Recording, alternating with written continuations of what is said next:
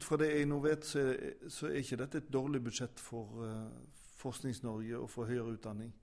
Det er et, uh, det er et budsjett som uh, vektlegger vekst i forskning.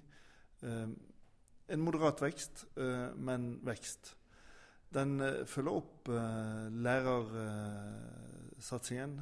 Den følger opp at det særlig skal være kunnskapsbase i teknologi som skal være større enn det vi har hatt så langt, og derfor ha en satsing på det. Uh, og Sånn sett så kan ikke vi si at vi har fått et dårlig budsjett. Men Har vi fått et godt budsjett? Vi har fått et budsjett omtrent som forventet ut fra de lovnadene som er gitt før uh, til Forsknings- og Utdannings-Norge. Så det, det, tror jeg vi skal si er bra i en tid hvor andre forhold har endret seg i stor grad. Så sånn sett så, så skal vi være tilfreds med det. Hva er du mest fornøyd med?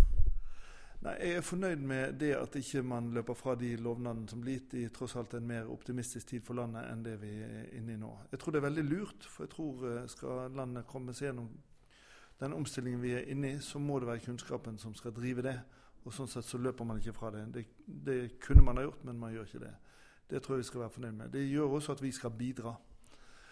Eh, så, så kunne jeg tenkt kanskje en tydeligere profil på innholdet i dette også i retning av uh, f.eks. Uh, utvikling uh, Mer utvikling av bærekraftige energiformer og sånt enn det jeg foreløpig har klart å lese ut av det. Men det kan godt hende at det da kommer tydeligere frem i andre departementers budsjett enn Kunnskapsdepartementet. Ja, F.eks. Olje- og energidepartementets budsjett. Nå skal du jo om noen minutter treffe statsråd Tord Lien. Ja, f.eks. der. Og i Miljøverndepartementet. Sånn det er flere departement som har dette, dette, oppdraget, og det vil vi se på. Men, men uh, det som har vært varslet, er jo uh, energiområdet og havromsområdet. Og det ser ut til at det følges opp, men, men, uh, men detaljene der kjenner jeg ikke. Eh, hva med den pågående fusjonen campussamlingen? Eh, altså, er det kommet de midlene eh, den, altså til det da, som du hadde håpet på og forventa?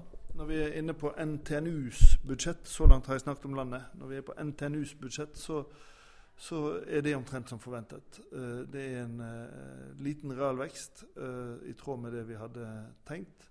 de gir oss noe midler til campusplanlegging også i 2017. Det er bra. Uh, og de uh, gir oss noe husleiestøtte for uh, det som er under bygging i tidligere HIST. Det er bra. og, sånn, og vi får noen stipendiatstillinger, og det er også veldig bra. Så er svaret ja. Altså du, du får det, det, du behøver i forhold til å fortsette campussamling og fusjonsprosesser? Ja, det gjør vi. Eh, fusjonskompensasjon er foreløpig bare delt ut nasjonalt og ikke fordelt. Eh, det kunne vi alltid ønske oss eh, mer av, og vi kunne ønske oss mer til campus. Men, men dette er i tråd med det vi kunne, kan, kunne regne med, og, og, i tråd med det vi skal klare å få, få til arbeidet med. Er det noen forskjeller? Altså, man snakker jo om nye og gamle universiteter. Nå representerer jo du et gammelt universitet. Eh, kan du på en måte, Er det noe å si der? Ja, det er noe å si der. fordi at uh, de nye Hvis man bare leser tallene sånn som de står, så vil man få inntrykk av at de nye universitetene får en veldig vekst. Og det gjør de.